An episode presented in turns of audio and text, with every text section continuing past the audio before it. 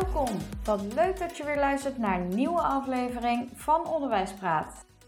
Ik ga deze aflevering met jou hebben over wat je kan en moet doen nadat je het geweldige nieuws hebt gekregen dat je bent afgestudeerd.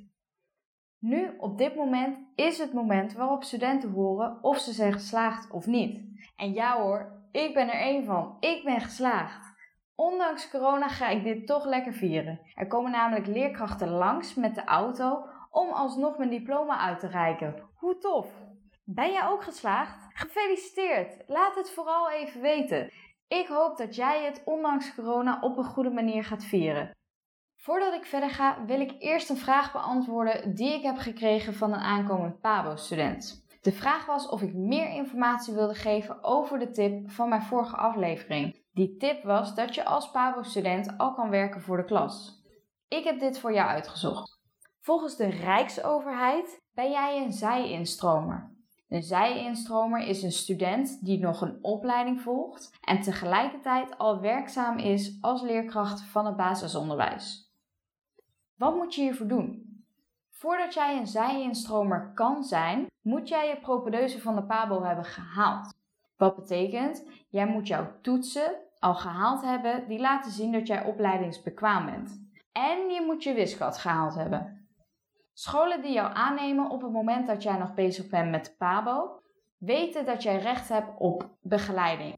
Niet alle scholen doen er om deze reden aan mee, dus vraag het vooral even na bij een school. Weet jij niet, durf je het niet, of heb jij een andere reden waarom jij het niet kan of wil uitzoeken? Ga dan vooral even naar StudyWork of Onderwijspost. Dit zijn detacheringsbureaus die jou al aannemen op het moment dat jij je propedeuse op zak hebt. En zij koppelen jou dan aan scholen waarvan zij weten dat ze jou sowieso aannemen. Oké, dat is het antwoord op die vraag. Ik hoop dat je er wat aan hebt gehad.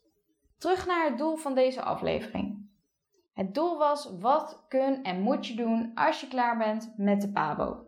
Allereerst ga ik jou vertellen wat je absoluut niet moet doen. Ik herhaal, dit moet je niet, niet doen. Heel veel leraren die zeggen aan het einde van jouw laatste toets, wat je nu moet doen is je uitschrijven voor de opleiding. Dat staat ook overal dat je dat moet doen. Maar dat moet je helemaal niet doen. Wat jij eerst moet doen, is even om een duo bellen. Het kan namelijk zo zijn dat je automatisch uitgeschreven wordt. Bij mij is dit het geval.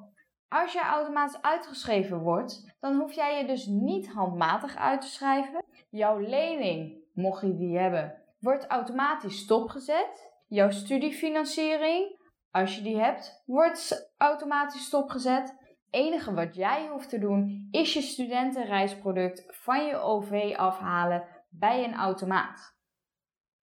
Dus schrijf je vooral niet gelijk uit, maar bel eerst even Duo. Moet je je na het bellen met Duo alsnog uitschrijven? Dan heb ik een klein stappenplannetje voor je opgesteld. Stap 1. Schrijf je uit voor de eerste dag van de volgende maand. Stel jij bent op 20 juni afgestudeerd, schrijf je dan uit voor 1 juli. Doe je dit niet, dan weet ik niet zo goed wat de consequenties zijn. Geld wat jij te veel hebt betaald voor de overige maanden dat jij dus de opleiding niet meer volgt, krijg jij teruggestort. Dit geld is het totaalbedrag wat jij hebt betaald voor het jaar, delen door het aantal lesmaanden dat jij hebt. Weet je niet zo goed wat het is? Vraag het even na bij de opleiding. Stap 2. Zet jouw studiefinanciering stop via Duo.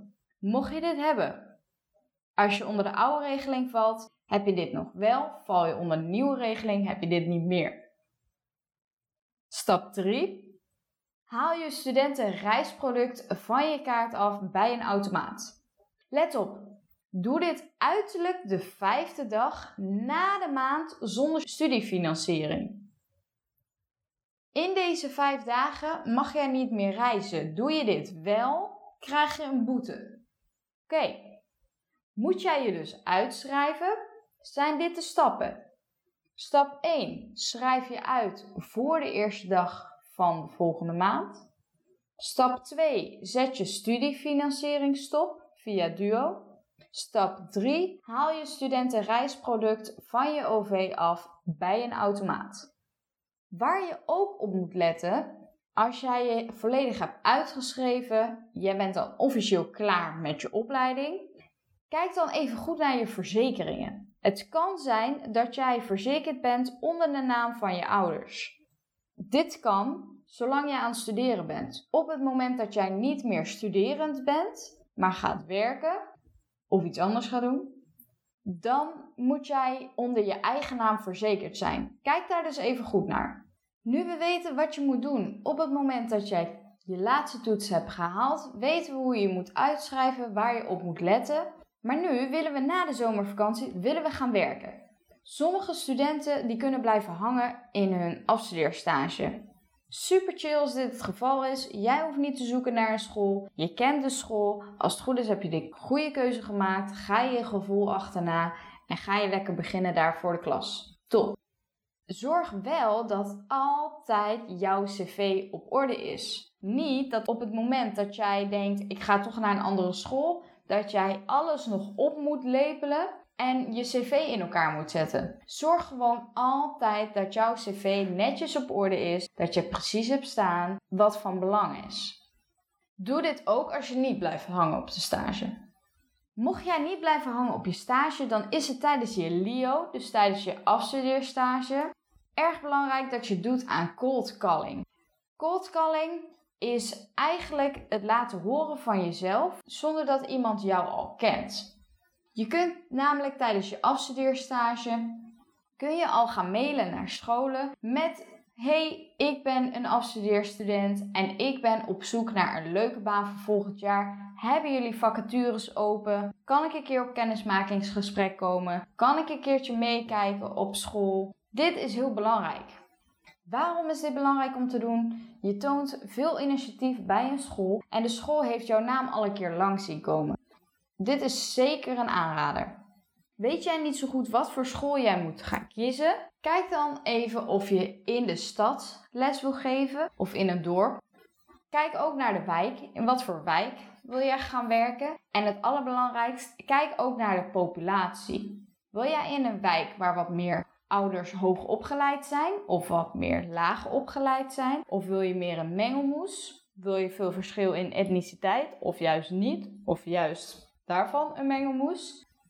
Stel die vragen bij jezelf even af, dan weet jij op welke manier jij een school moet gaan kiezen. Heel belangrijk, wat gecombineerd kan worden met de cold calling, is vraag of jij een dagje mee kan kijken. Nou kan iemand ontzettend enthousiast zijn over een school, maar als jij het gevoel niet hebt, dan is dat geen school voor jou. Op het moment dat jouw gevoel zegt dat je iets moet doen, dan moet je dat achterna gaan. Op het moment dat jij geen fijn gevoel hebt bij een school, dan moet je dat niet doen. Dus daarom is het dagje meekijken zo ontzettend belangrijk, omdat jij zelf de sfeer voelt van de school en jij weet dan gelijk, ja, dit is iets voor mij of nee, dit is niks voor mij. Luister daarnaar. Heb jij toch zoiets van, nou, ik weet niet zo goed hoe ik zelf moet kiezen, of ik ken de stad niet waar ik straks heen ga? Is niet erg, ga naar een detacheringsbureau. Een detacheringsbureau heb ik in mijn vorige aflevering uitgelegd. Die koppelt jou, jouw persoonlijkheid en jouw wensen aan verschillende scholen waar zij contact mee hebben. Een aantal detacheringsbureaus die ik ken zijn bijvoorbeeld Onderwijspost. Hier sta ik zelf ook bij ingeschreven. Dit is Wijs, onze leerkracht en de detacheerders. Nu zijn er echt nog veel meer detacheringsbureaus. Typ in op Google detacheringsbureau onderwijs en je krijgt er genoeg bij jou in de buurt. Dat zijn de stappen die je kunt ondernemen om werk te zoeken voor na de zomervakantie. Belangrijkste hiervan is dus: doe aan cold calling. Zorg altijd dat jouw cv op orde is. Vraag jezelf af: welke school wil ik in wat voor wijk buurt, stad. Vraag om een dagje mee te kijken. Weet je niet hoe je moet zoeken of waar je moet zoeken? Vraag hulp bij een detacheringsbureau. Wat voor ons heel erg nuttig is, is het lerarentekort. Wij hebben dus een ontzettend goede baangarantie. Ook als PABO-student zijn er dus veel mogelijkheden, zoals ik al heb benoemd. Je kunt dus al werken voor de klas. Zeker nu er zoveel lerarentekort is, nemen ze veel sneller mensen aan. Dus ook als jij nog de opleiding volgt, ga lekker aan de slag. Je hebt dan en praktijkervaring tijdens je stage, maar ook tijdens je werk. En we weten allemaal, PABO leer je vooral door te doen. Oké, nu wil ik nog een klein stukje vertellen over mezelf. Voordat ik bijna was geslaagd, begon ik te twijfelen tijdens mijn afstudeerstage. Ergens halverwege mijn afstudeerjaar. Ik begon mezelf af te vragen: wil ik eigenlijk wel juf worden? Is dit eigenlijk wel iets voor mij en moet ik dit voor altijd doen? Heb jij deze vraag ook bij jezelf afgesteld? Geen stress. Ik heb veel gepraat met verschillende mensen en ik ben tot een conclusie gekomen die mijzelf rust gaf. Namelijk, juf of meester worden is een prima begin, maar je hoeft dit niet voor altijd te doen. Als jouw hart zegt: Ik wil voor altijd juf of meester worden, prima, volg dat vooral. Maar als jij zoiets hebt, ik begin zo meteen voor de klas, maar ik weet eigenlijk niet of ik dit altijd wil doen, is niet erg. Het is een prima begin. Ervaring opdoen is altijd goed. Maar er zijn zoveel doorgroeimogelijkheden binnen het onderwijs. Maar tegenwoordig, we leven in een samenleving waarbij er ook totaal andere mogelijkheden zijn. Dus je kunt jou ook gaan ontwikkelen op een geheel ander gebied. Dus geen stress, juf of meester is een prima begin. Als jouw hart er niet ligt, hoeft het niet voor altijd. Tijdens deze aflevering heb ik dus een vraag beantwoord van een PABO-student.